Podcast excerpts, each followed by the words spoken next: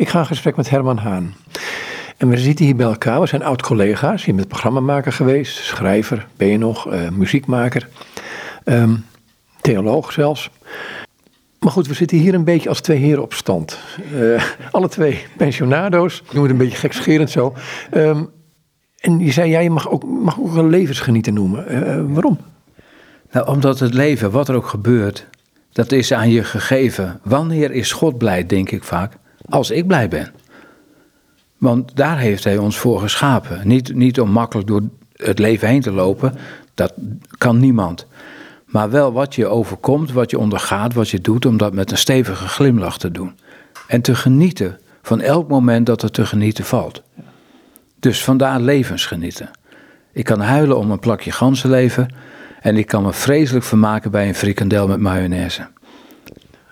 Maar goed, je snapt de eerste vraag nu wel, die, die een gevolg hiervan is. Dus je hebt nu Parkinson. Um, en ik ken jou uh, vanuit de EO-tijd als bedrijvig, uh, veel dingen doend. Dat is behoorlijk de rem opgekomen. Ja, ik heb, zoals ze dat tegenwoordig noemen, heel veel jasjes uit moeten doen. Elke paar maand wel één, zeg maar. Weer iets. Ik kan bijna niet meer uh, rechtop staan. Na een minuut moet ik me vasthouden. En weer een minuut later moet ik zitten. Nou, dat soort dingen. Uh, concentratie van alles en nog wat. Het, uh, het, het, dat is Parkinson. Je lichaam levert in. En op het laatst kun je niet zoveel meer dan trillen en shaken.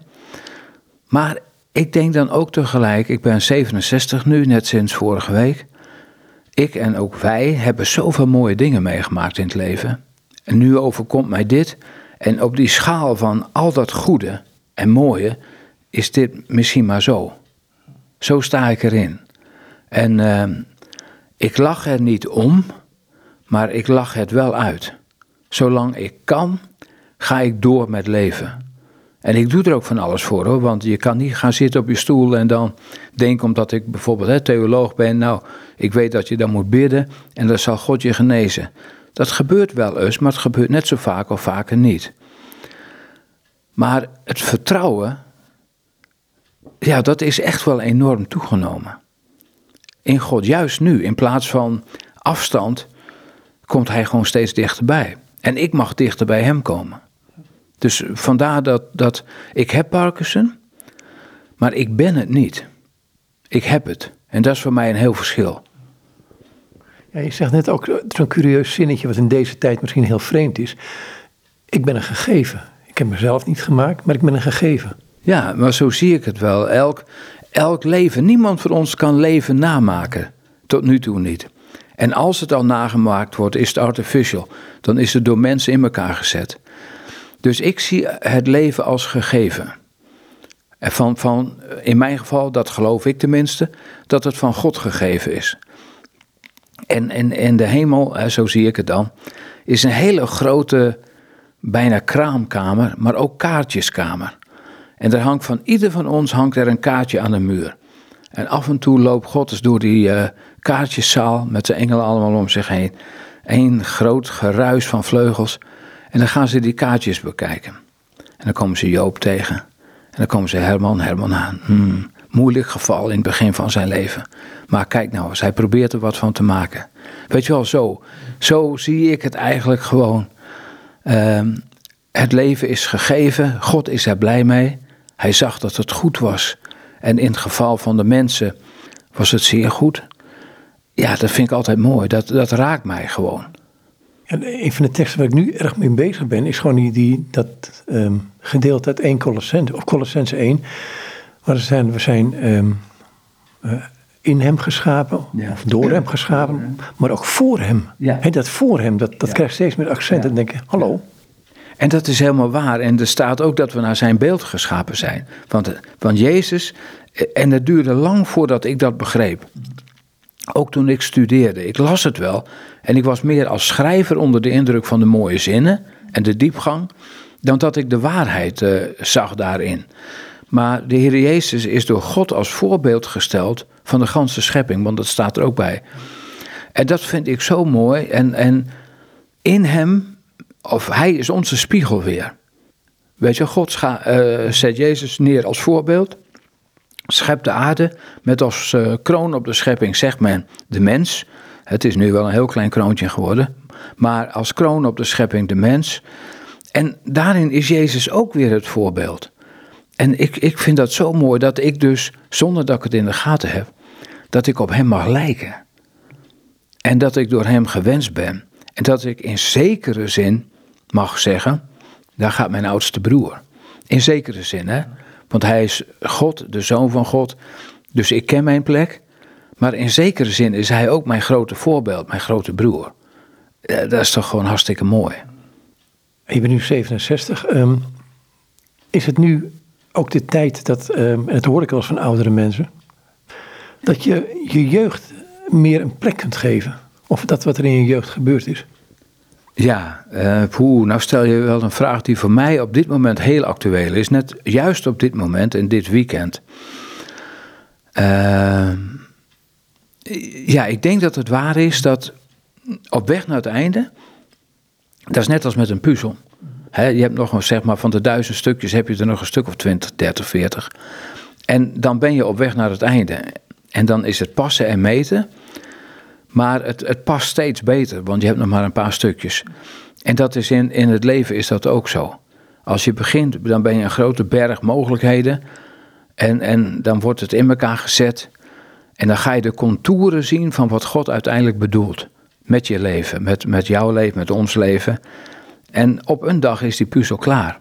En dan kijk je ernaar en ik denk ook, dan zien we de volle waarheid van ons leven, maar ook van de gebeurtenissen in ons leven.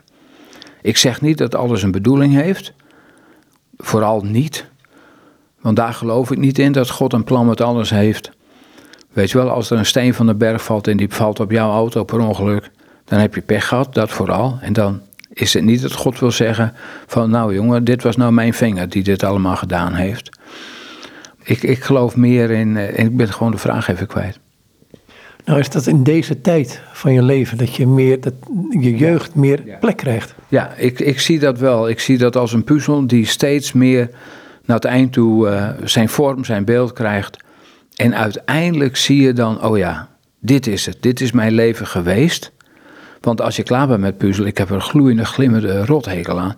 Maar als je klaar bent met puzzelen, heb je dan toch dat gevoel van, wauw, het is me gelukt. En ik heb het gedaan en kijk eens wat mooi. En, en zo hoop ik dat onze luisteraars, maar wij ook, ook naar ons leven uh, kijken. En dan ook uiteindelijk zien wat God bedoeld heeft met ons leven, met wat we hebben meegemaakt. Het ging nu over jou. Ja, nou, ik zie het in ieder geval. Ik, ik heb heel veel dingen mogen doen, want zo zie ik het ook weer. Ik heb wel eens vaker verteld, maar ik, ik was al heel vroeg aan, uh, aan, aan de verdovende middelen. En gelukkig ben ik er ook weer erg op tijd uitgestapt voordat het uh, te grote consequenties had voor mij. Maar als ik dat dan allemaal zie, gewoon, weet je wel, dan, en ik kijk dan uiteindelijk naar die puzzel, dan denk ik, ja heer, uw hand was hier toen ik 17 was. Ik wilde zelfmoord plegen met een overdosis heroïne. Maar net daarvoor kwam ik mensen tegen die mij over Jezus vertelden. Ik wilde eens een keer, een heel dom voorbeeld misschien. Ik wilde eens een keer, midden in de nacht kwam ik bij iemand vandaan voor een gesprek en ik reed naar huis. En ik dacht, het is zo rustig, ik geef even extra gas en ik neem de binnenbocht van een, bijna een racecircuitbocht uh, met mijn autootje. En ik hoorde een stem die zei, niet doen, niet doen, buitenbocht nemen. Nou, normaal ben ik erg eigenwijs, maar ik nam de buitenbocht zoals het hoorde. En op hetzelfde moment kwam een auto aanrazen door de binnenbocht mij tegemoet. Als ik niet naar die stem geluisterd had, klaboem. Zie je dan weer Gods hand in. Wij kunnen geen kinderen krijgen. Maar toch hebben we pleegkinderen gekregen. En die hebben nu weer een kleintje. Dus ik ben opa geworden intussen. En jij bent zelf uh, al lang en breed opa. Maar zo'n kleintje die aan mijn lange haren trekt en zegt: Opa, ik wil ook lang haar. Het is een meisje. Opa, ik wil ook een baardje. Weet je wel, eh, zij ziet in jou, in mij dus, het, het voorbeeld van leven. En, dat, en dan zie je weer, oh, dat was God. We hebben geen kinderen, maar toch ook weer wel. Nou, en zo kan ik eigenlijk wel doorgaan. Vandaar dat, uh, dat lied Tel uw zegeningen één voor één. Tel ze alle en vergeet er geen. Nou, dan zijn wij wel even bezig hoor met tellen. En weer zie je de hand van God. En nu heb ik net afgelopen zaterdag ontdekt, en je bent de eerste die het weet, aan publiek zeg maar. Ik heb altijd getwijfeld of mijn vader wel mijn vader was. En ik weet niet of ik daar wel eens eerder met je over gesproken heb. Ik heb het in interviews wel vaker gezegd, maar uiteindelijk, mijn zus en ik, we hadden allebei die gedachten en eh, we hebben ons DNA laten testen. En ik heb zaterdag dus uh, gehoord, gelezen, de uitslag was uh, dat mijn vader niet mijn biologische vader is. Wel van mijn zus, niet van mij.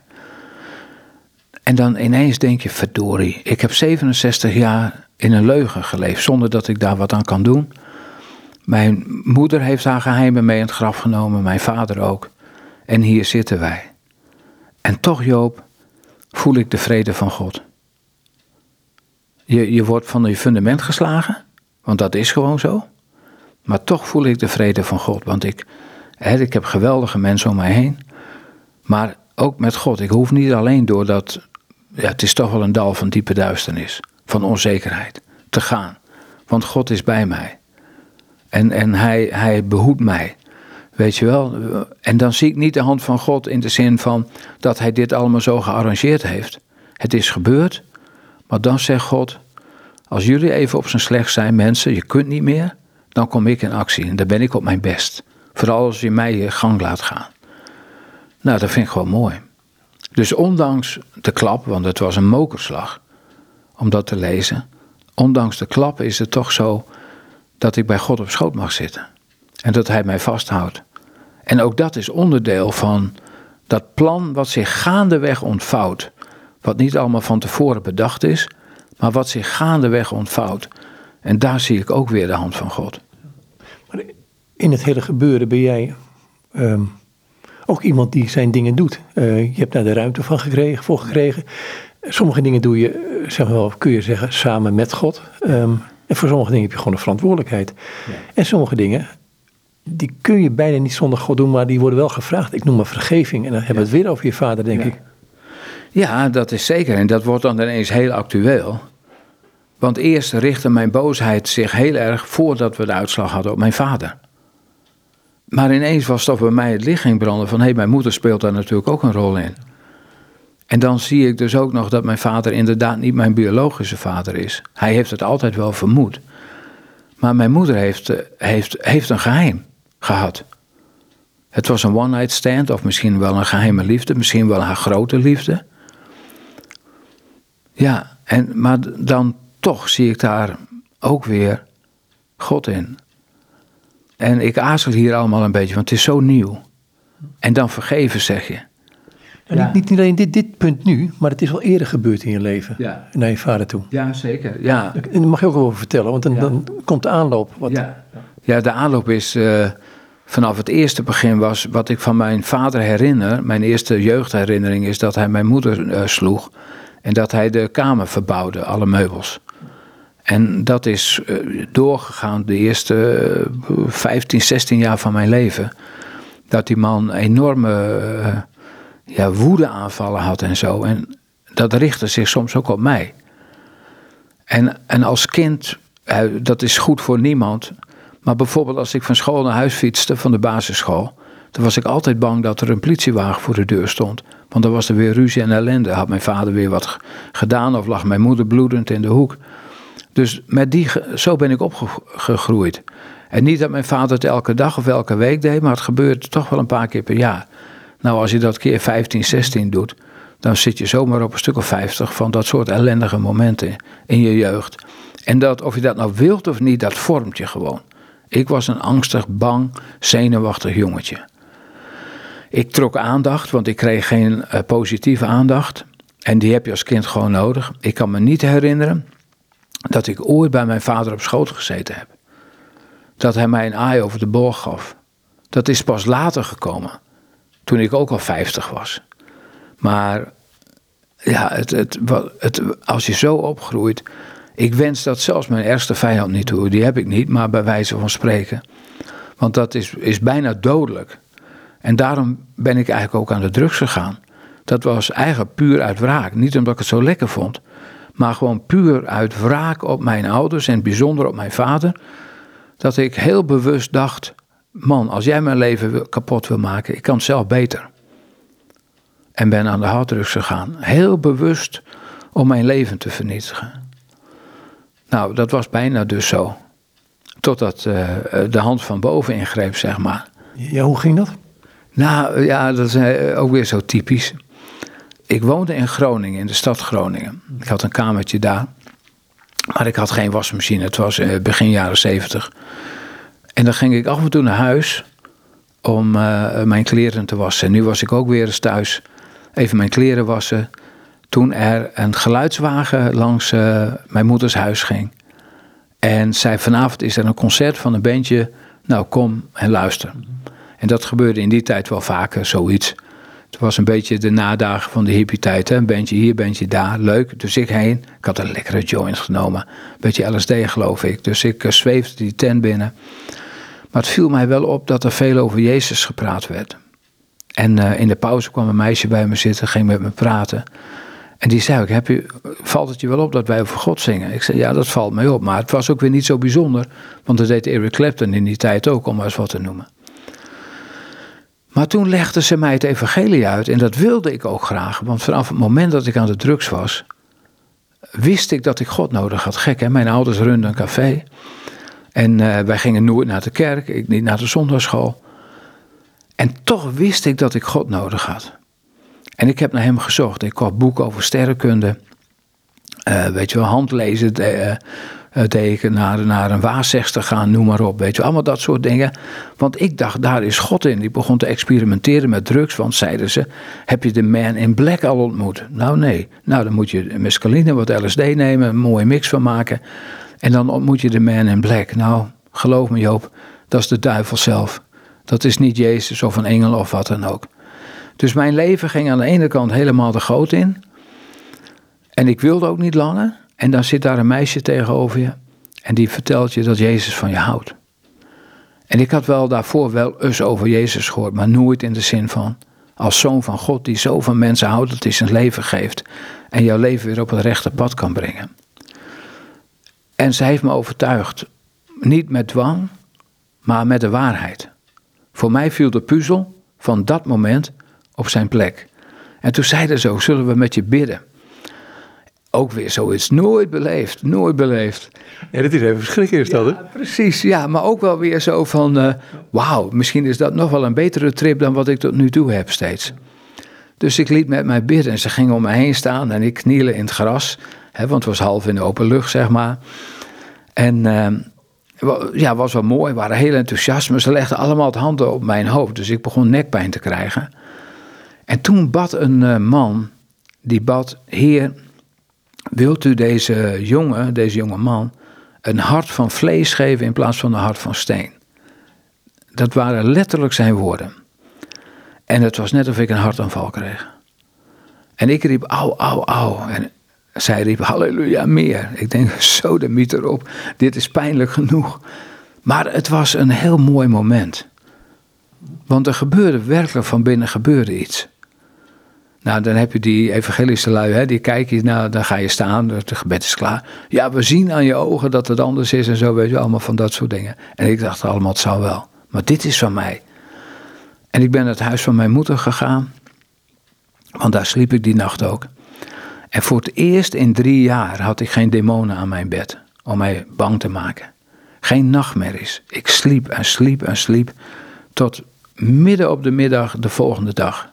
Terwijl ik anders om negen uur altijd wakker werd om of mescaline of LSD of een shot heroïne te nemen. Maar ik dacht er gewoon niet aan. En smiddags om een uur of vijf dacht ik ineens: joh, ik heb helemaal nog geen uh, drugs gebruikt. En ik had, ik had net voor 500 gulden gekocht. Het was in die tijd gewoon een uh, anderhalf maand salaris voor mijn leeftijd. En ik heb dat gewoon in het water, het Van Starkenborgkanaal, gesodemieterd. Ik dacht, weg ermee. Ik wil niet langer. Ik kan niet langer. Ik moet anders leven. En wat mijn echte redding geweest is, is denk ik, niet alleen die avond daarvoor dat ik de Heer Jezus zo ervaarde in mijn hart, maar dat ik die avond erop teruggegaan ben naar die mensen. En het verhaal vertelde van dat ik geen drugs uh, hoefde die dag. En zij hebben mij toen opgenomen in hun jeugdgroep, zeg maar. En hebben mij begeleid en geholpen. En uh, ja, daar is een heel nieuw leven uit tevoorschijn gekomen. Ja, dat, dat, vergeten we wel eens, hè? die heropvoeding, Ja. zoals ik het mag noemen. Ja, ja dat is zo. Want ja, ik, ik, ik had per dag eh, staal ik voor 100, 150 gulden. Want dat had ik nodig. En je bent, kijk, je kunt iemand wel van de straat halen. Maar de straat uit iemand halen is een heel ander verhaal. En dat heeft mij wel een paar jaar gekost hoor. Om een beetje fatsoenlijk te leven. Want ik dacht alleen maar aan mezelf.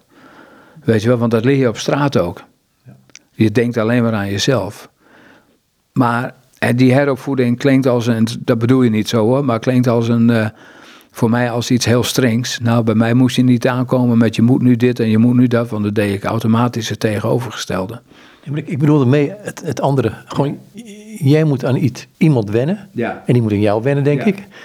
Dat is een lastige. Ja, zeker. Ik moest aan mensen wennen en later aan dat meisje werd mijn vriendin, werd mijn vrouw. En eh, ik moest heel erg ruimte scheppen, niet alleen voor mezelf, maar ook voor haar en voor andere mensen. En, eh, maar dat heeft ze heel goed aangepakt hoor. Dat heeft ze heel goed aangepakt. Ondanks dat zij een domineesdochter is.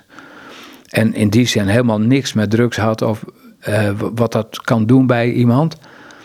Was ze heel geduldig en heel liefdevol. En als ik weer eens een psychose kreeg, want die heb ik nog twee jaar lang bij Tijd en Weinig gehad. Dan eh, wist ze precies wat ze moest doen. En ja, dat, dat is gewoon levensreddend. Ja.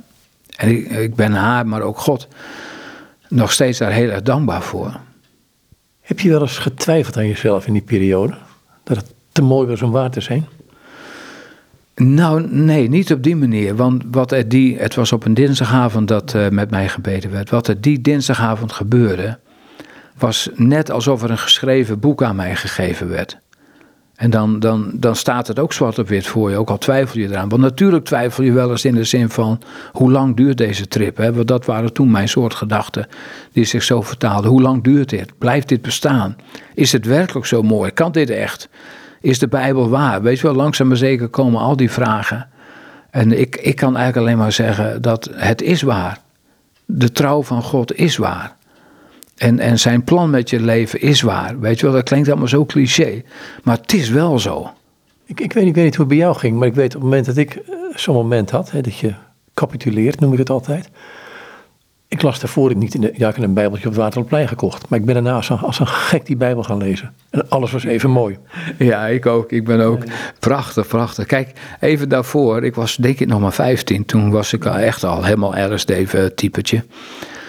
En ik speelde in een lokaal bandje. En de moeder van een van die leden gaf mij een bijbel. Echt een joekel van eh, 30, 40 centimeter kartonnen kaft. Je kent het wel, dat- zo'n statenvertaling.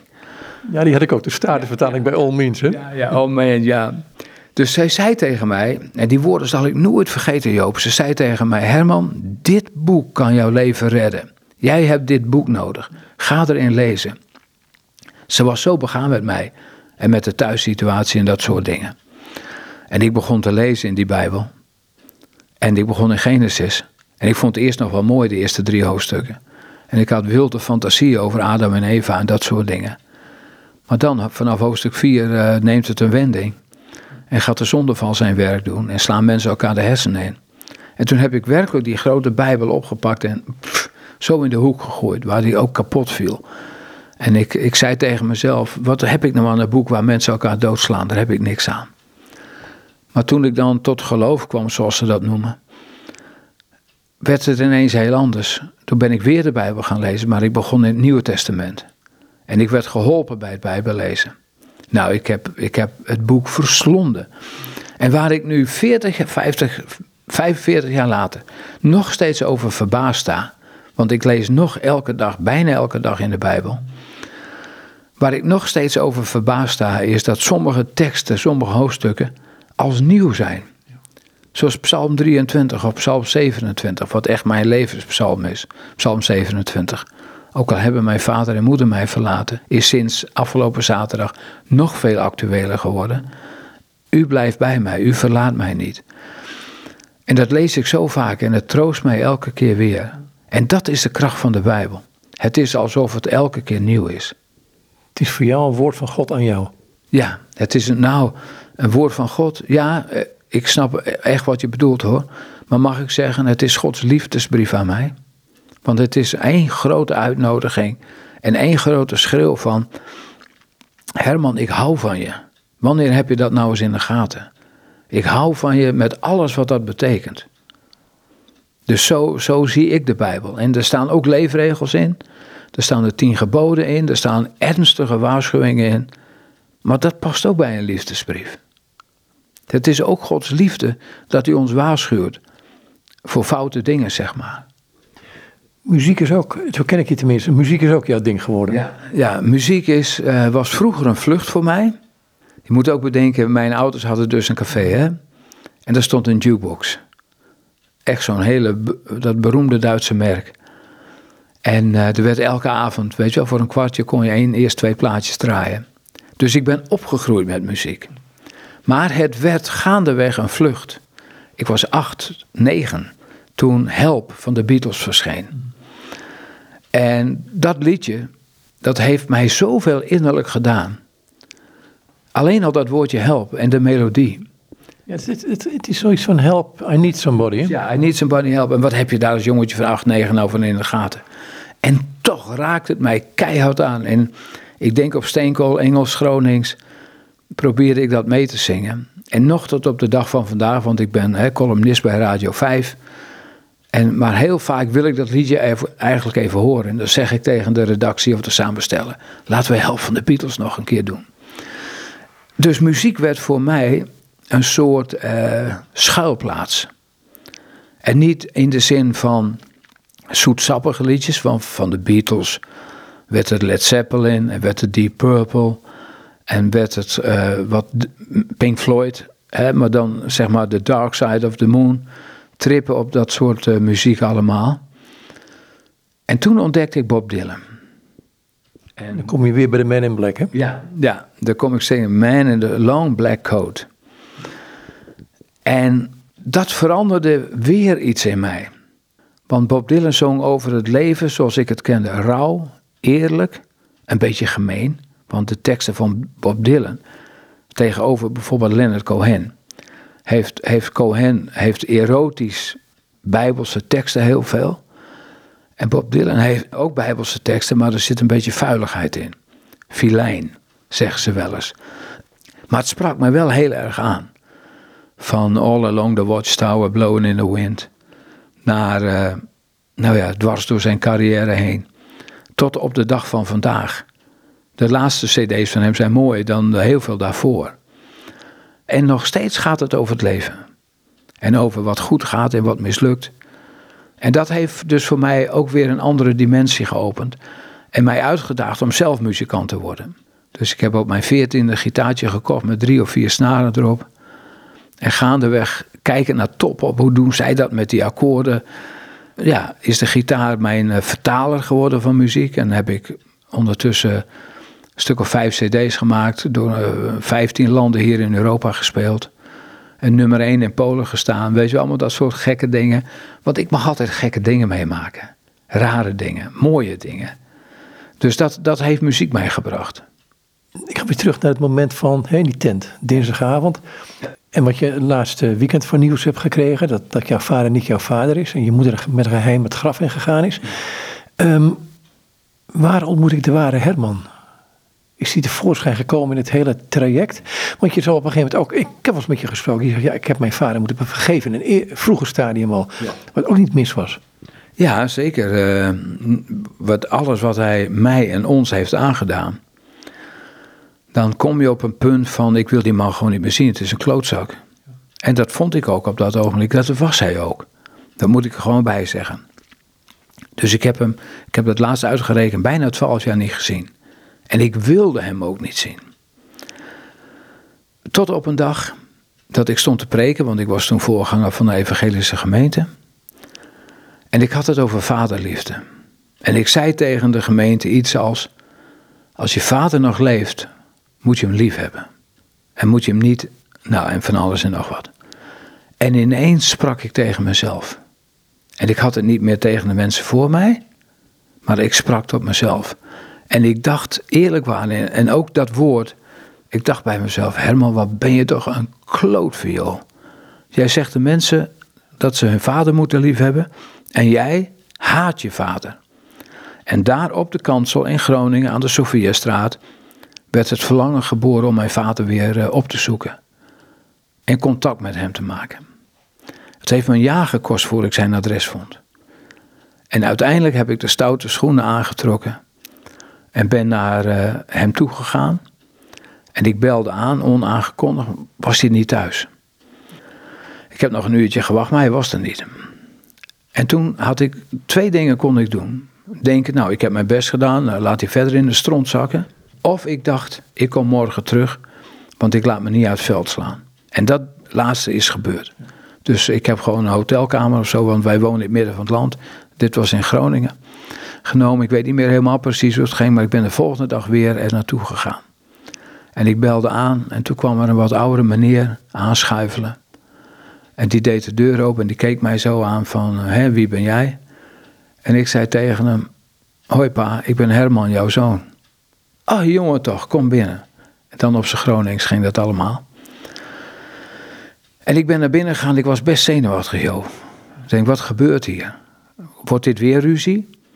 Maar hij was ondertussen ouder geworden en ik ook. Allebei wijzer weet ik niet, maar rustiger wel. Hij stak een grote sigaar op, gaf mij ook een. Zo'n zo'n vieze, stinkende agio-bolknak. Boah. Maar goed, we hebben zitten roken daar samen. Of een sigaar rook je niet, dat trek je een beetje aan. En enorme rookwolk. En daartussendoor zagen wij elkaar. We hebben niet veel gezegd. Maar het was een mooie ontmoeting. En die ontmoeting heeft ertoe geleid dat ik uiteindelijk in mijn hart hem heb kunnen vergeven. We hebben er wel over gepraat, maar dat kon met hem bijna niet.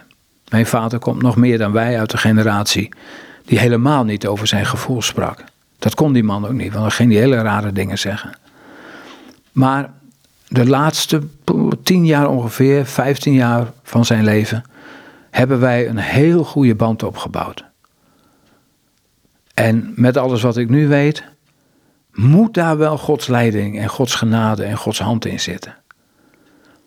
En daar heb ik ook dankbaar gebruik van gemaakt.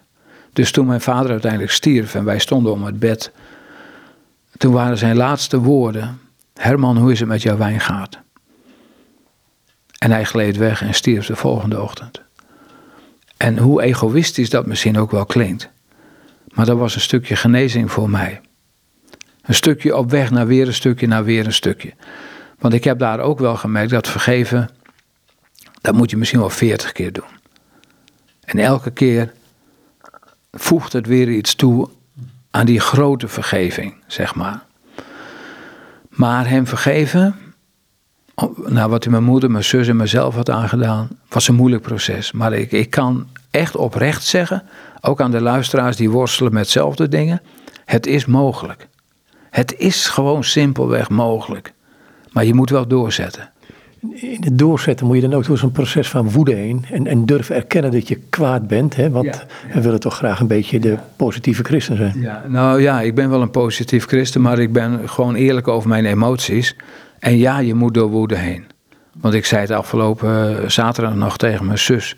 Nog steeds moet ik haat, moet ik bevechten. Nog steeds. En ik schaam mij er ook niet voor.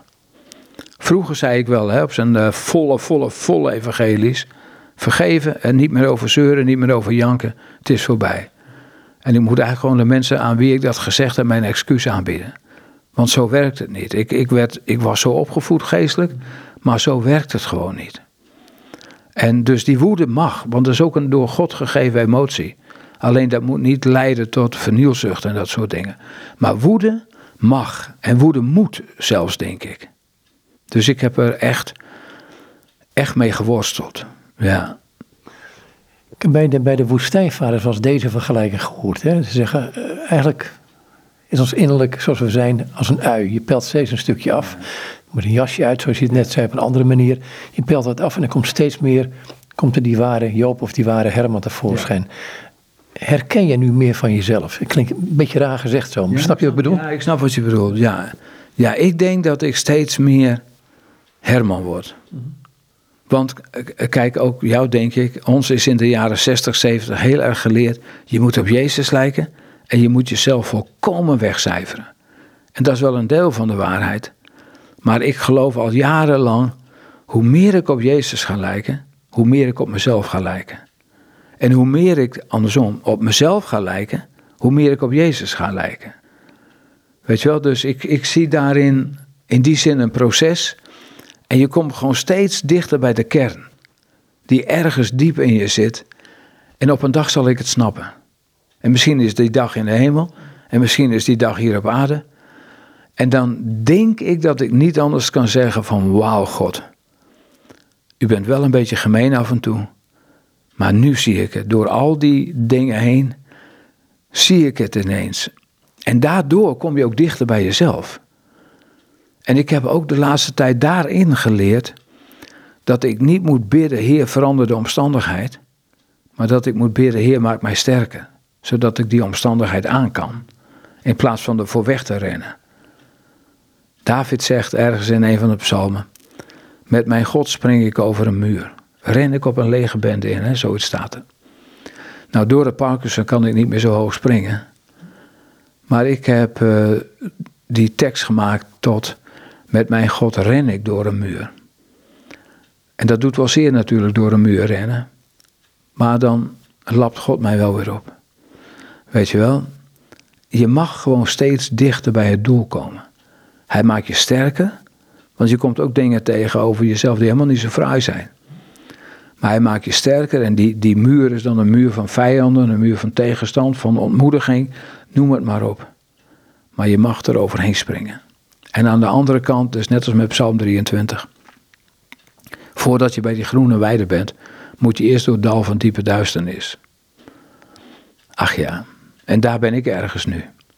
Maar, maar steeds meer met Herman zoals hij, tenminste dat hoop ik, dat denk ik. Herman zoals hij is, zoals hij bedoeld is. Ik mag die zoeker zijn, want dat ben ik eigenlijk gewoon een beetje. Ik ben er wel, maar ik ben er ook nog lang niet. Ik ben onderweg. En gaandeweg doe ik jasjes uit, maar andersom, geestelijk gezien, doe ik jasjes aan. Van leerervaringen, van mooie momenten. Dat jij hier zit, vind ik een voorrecht. Dat ik mag vertellen wat ik meemaak. En daar moeten mensen eh, ja, ja of nee voorbeeld aan nemen. Maar ik vind het gewoon mooi. En nu veel vaker, dan kijk ik in de spiegel. En vroeger had ik echt een gloeiende hekel aan mezelf. Ook nog toen ik christ was. En dat had de oorzaak. Ik had vlak voor ik tot bekering kwam een man in elkaar geslagen met een stuk hout. Om zijn portemonnee te jatten. En dat vind ik zo laag. Nog steeds. Maar ik kon mezelf daarin heel moeilijk vergeven. Ik heb ook geprobeerd die man op te zoeken, maar ik wist dat niet. En ik verhuisde ook. Dus voor mij vergeven en jezelf zijn, weet je wel, jezelf worden. Daar zat een spiegelbeeld tussen. Tussen mij en de werkelijkheid in. Maar dat beeld van toen vervaagt steeds meer, is er bijna niet meer. En dat beeld van wie ik mag zijn.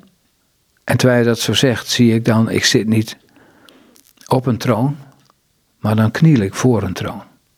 Voor de troon van God. En dat is eigenlijk de beste plek om te zijn. Realiseer ik me nu. Ja. Is zelfacceptatie zo moeilijk? Ja en nee. Kijk, ik geef even een tussendoortje tussendoor, of een, tussendoor, een tussenzetje tussendoor. Ik merkte dat een aantal jaren geleden gebeurd. Toen vroeg iemand van hou je van jezelf? En ik kon toen voor het eerst oprecht ja zeggen, omdat ik in de gaten had gekregen, niet lang daarvoor, dat de Heer Jezus van mij hield. En ik denk van ja, ja. En, en dat is niet iets wat je even bedenkt, maar ja. Nee, precies, daar heb je volkomen gelijk in. Zoals ik, weet je wel, dat dan voor mijn ogen zie dat ik voor de troon van God mag knielen. Maar daarvoor, want het is een proces om daar te komen. Daarvoor was het ook, ook was het echt zo. Weet je wel, dat je, je, je worstelt, je vecht. Oh, en daar word je moe van. En als je moe bent, word je juist weer zwak. En allemaal dat soort dingen. Ja, dus ik, ik herken het gewoon uh, heel erg. Ja. En dan komt er nog bij dat je van lekker eten houdt. Ja, meer dan dat. ja, ik, ik, ik hou van de, de mooie dingen van het leven. Ik zei net al, hè, gekscherend. Maar het is wel zo. Ik kan genieten van een plakje ganzenleven. Mooi gebakken. Gekarameliseerde appel daarbij. Een beetje balsamico azijn eroverheen. Dat even laten pruttelen. En dat zijn maar drie smaken. Zacht, ganzenleven, zacht zuur, de appel. En de, nog zuurder, zeg maar, de balsamico. Maar die combinatie van die drie simpele smaken bij elkaar, dat is zo lekker. En daar kan ik zo van genieten. Ja, dus ik hou van lekker eten. Ik weet het. Ehm, we hebben ook in het Bronkhorst gezeten, weet je. Ja, met, met, ik ga het verhaal niet vertellen. Ja. Um, een prachtig verhaal. Maar als ik die drie smaken zo naast elkaar leg een beetje, is het een beetje jouw leven? Ja, ja, als je dit zo zegt, is dat wel zo. Maar ik heb wel geleerd, dat is ook, ook met gehaktbal, rode kool, aardappelen. Die drie smaken maken elkaar sterker. Als je een van die smaken wegdoet, en dan kiezen mensen vaak voor het zure, rode kool in dit geval dan, maar dan, dan is het ineens gewoon niet meer zo lekker. Als je dat natuurlijke, zeg maar, of dat goddelijke, als je dat doorbreekt. Dus ook het zuur hoort erbij. Maar wat zei die meneer ooit? Dus na het zuur komt het zoet. Niet dat hij het onze, hè, eh, die voormalige premier.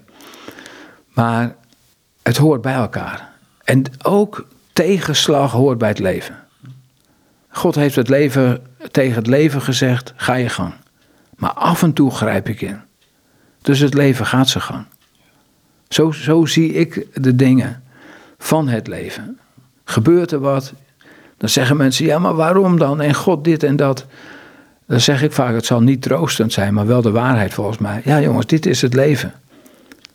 En we kunnen het beter accepteren in plaats van het weg te gooien. Toen jij de diagnose Parkinson kreeg, stond je er toen zo in? Of was het even een moment van slik? Nou, dat laatste zeker zo natuurlijk. Hoe je er ook in staat. Mijn moeder had ook Parkinson. Dus je weet waar het naartoe gaat. Mijn zwager heeft Parkinson. En het lijkt wel tegenwoordig, uh, Wim de Bie overleed aan Parkinson uiteindelijk. Weet je wel, uh, en zoveel. Jenny Kaagman uit mijn muziekwereld, Parkinson. Je weet waar het naartoe gaat. En het was slikken. En wij zaten in de auto toen we terugkwamen van het ziekenhuis in Zutphen. Op weg naar ons boerderijtje toen. Ja, dan ben je eerst even stil. En toen kwamen de tranen. Maar wij wisten eigenlijk al dat dit de diagnose zou zijn. Dus, en wij zijn, en ik ook ben, al zeg ik het zelf, een vechter. En zolang ik kan leven en kan genieten, dan gaan we dat doen.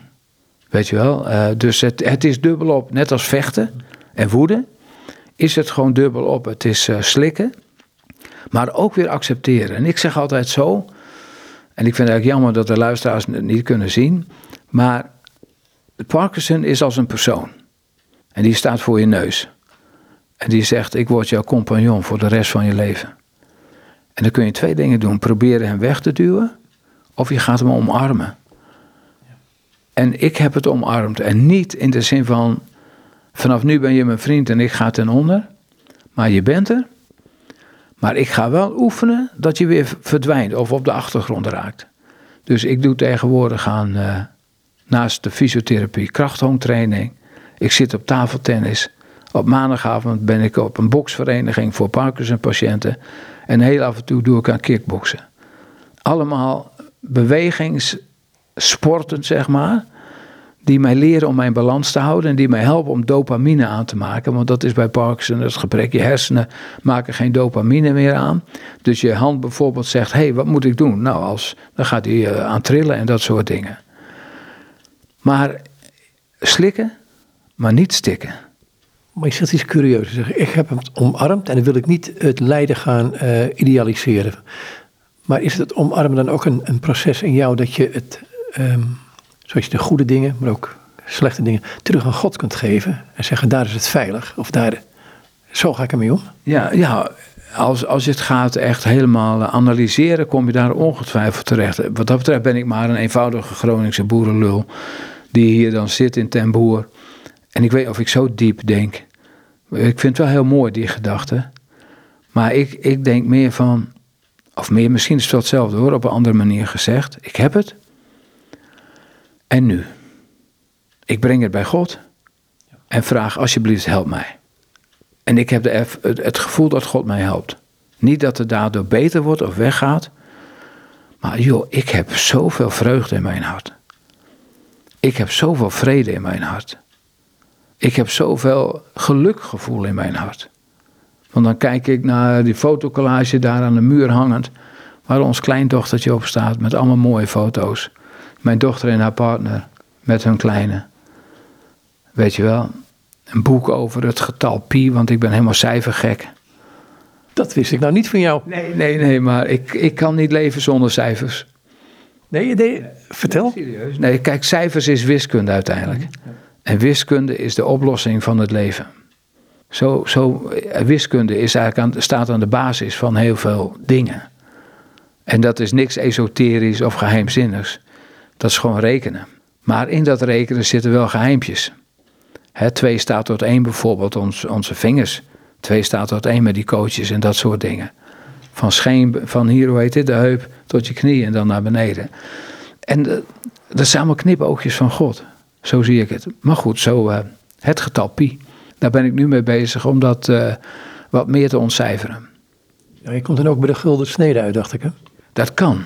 Ja. Maar het hoeft niet per se. Want pi is niet meer dan een cirkel. En het getal pi is midden, staat middenin. Maar je hebt het wel nodig om, zeg maar, dan weer hoeveel, in hoeveel uh, partjes wil je die cirkel snijden en dat soort dingen. Ja, dit klinkt allemaal heel raar voor de luisteraar, ik weet het. Maar ik ben daar een beetje door. Uh, het is net nog geen obsessie. Net niet, kan nog. Nou, nee, ga ik niet zeggen. Dat ga ik niet zeggen. Ik niet zeggen. Nee, ik geef naar je, naar kleindochter toe. Ik weet niet of jij zo'n moment had. Um, want hoe oud is ze nu? Het is net drie geworden. Nee, nee, stop. Sorry, volgende week wordt ze drie. Oké, okay, dus je hebt een moment gehad, tenminste dacht ik met mijn kleinkinderen, met mijn eigen kinderen waarschijnlijk ook wel, met je kleinkinderen wat bewuster, um, dat ik het om mijn arm lig en als er zo'n zes, zeven weken zijn, dan kijken ze je aan en beginnen ze tegen je te lachen. En ja. eigenlijk is dat het enige. Ja. Ik, ik denk dat God zo met ons omgaat. Het klinkt een beetje raar dat, dat we het zo ingewikkeld maken. Ja, nee, zeker zo is het. God gaat met ons om. Want zo is het toch ook. Als wij uh, Hem leren kennen, zijn we kindertjes in het geloof. Zo zegt de Bijbel dat ook. En zo benadert Hij ons ook op. Hij pakt ons op en gooit ons in de lucht. En wij denken, oh wat eng, maar dat zijn allemaal leerprocessen voor de rest van je leven. En vorige week bijvoorbeeld nog waren we even bij hun. En uh, ook, dus ook bij Annalyn heet ze. En Annalyn die wil vaak wel bij mij op schoot zitten, maar tien seconden later wil ze er ook weer af. Dus ze ging bij mij op schoot zitten en na tien seconden zette ik haar zoals altijd uh, weer op de grond. En toen keek ze me zo aan, ging ze zo, handen over elkaar, armen over elkaar, ging ze zo omhoog kijken en zei, opa, mag ik niet bij jou op schoot zitten? Tranen. Ja, ja. Zeker als je wat wordt, word je gevoelig. Hè? Dus ik heb haar opgepakt en ze heeft echt drie kwartier. En daar zijn die foto's van gemaakt, van dat kaartje die je daarvoor uh, ziet. Ze heeft ze drie kwartier tegen me aangehangen. Ze voelde zich ook niet helemaal lekker. Nou, ze heeft gewoon lekker tegen me aangehangen. En het was een heerlijk moment. En zo zie ik God naar ons. Hij pakt je vast waar nodig, maar hij laat je ook los waar nodig. En vastpakken is mooi, maar dat is de basis voor het loslaten. Wat heb jij, ja, nu je leven waarschijnlijk, maar wat moet je, ja, je moet eigenlijk alles loslaten, loslaten op een gegeven moment. Of, of laat ik het anders zeggen, ik, ik noem het liever in Gods handen leggen, want ja. ik vind loslaten kan ook heel erg ja. niksig zijn. Ja, maar het, het is inleveren, het is loslaten, in Gods handen leggen. Wat baat het als je de hele wereld wint, maar schade leidt aan je ziel? Weet je wel, helemaal niks. Ik heb door mijn werk, uh, vooral in Amerika, met lokale beroemdheden en, en nationale beroemdheden mogen werken. En als ze thuiskomen, moeten ze allemaal naar de wc. Weet je wel, uiteindelijk maken we allemaal hetzelfde mee. En in dat proces heb je God als vader nodig. Die je vastpakt, die je loslaat, die een schop in je kont geeft. En die af en toe zegt, kom maar lekker even bij me zitten, ik hou je vast. Je gebruikt in het begin van het gesprek ook het woordje zien. Ziet hij jou tevoorschijn? Ja, dat is een beetje middeleeuws wat ik nu ga, ga doen, maar goed. Hoe, uh, ziet hij jou tevoorschijn komen? Kijkt hij jou tevoorschijn? Ja, in zekere zin wel. Ja, ik, ik moet daar dan direct even over nadenken. Hè? Want hij heeft ons natuurlijk al lang gezien. Hè? Al misschien wel miljoenen jaren geleden. Hingen wij al in, het geboorte, in, de, in de zaal van de geboortekaartjes. Waar ik het in het begin over had. Dus hij weet het al. En tegelijkertijd is hij ook weer verrast natuurlijk. Want we hebben een vrije wil gekregen. En wat doen we daarmee? Wat maken we ervan? Wandelen we volgens zijn plan min of meer? Of maken we er zoals in mijn geval in het begin een vreselijke puinhoop van? Hij kijkt naar ons en ziet ons tevoorschijn komen, zeker. Maar dat kijken betekent ook wel eens dat hij op afstand blijft. Dat hij naar mijn idee achter een boom staat. En dan kijkt, nou eens kijken hoe Herman zich redt. Gek is, toen jij dat tv-programma opnam, niet zo lang geleden, toen, daar raak je ontroerd bij de goedheid van God. Ja. Als ik het goed proef. Ja, ja, zeker. Maar die goedheid is toch ook. Wij, kijk, ik geloof niet in doemdenken, helemaal niet. Maar wij krijgen meer dan wat we verdiend hebben. Dat geloof ik wel. De mensen in het algemeen. En, en de goedheid van God behoedt ons van de dood. En niet altijd de letterlijke dood, maar er zijn heel veel mensen dood terwijl ze nog wel, het lichaam leeft nog. Maar zijn dood door teleurstelling en, en noem maar op. En dan komt God daar met zijn goedheid, met, met zijn mooiheid en met het goede gevoel wat hij je kan geven. Ja, ik kan daar alleen maar ontroerd van raken. Dan denk ik, wauw, waar heb ik dat aan verdiend? Dat dat mag, dat dat kan. En dat je zelfs in deze situatie, dat je dan nog dankbaar mag zijn. Want dat wordt je ook wel gegeven, vind ik. Ja, en ik onderga het met plezier, hè. Maar zijn goedheid wordt steeds groter. Zo ervaar ik dat. Tot in die puzzel de laatste stukjes gelegd worden. Ja.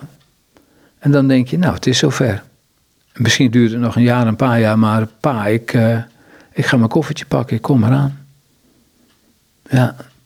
En Joop, als ik hier op aarde niet genees, dan genees ik in de hemel. Voor ik de hemel binnenstap eigenlijk. Ik heb als, als predikant zo vaak begrafenissen geleid. Ik heb er bijna 250 gedaan. En bijna altijd lezen dan de tekst soort van plichtmatige uit de openbaringen. En er zal geen geklaag meer zijn en geen geween, hè, de NBG-vertaling. Geen ziekte, noem maar op. Maar nu denk ik, wauw, dat is voor mij geschreven. En voor mijn lotgenoten.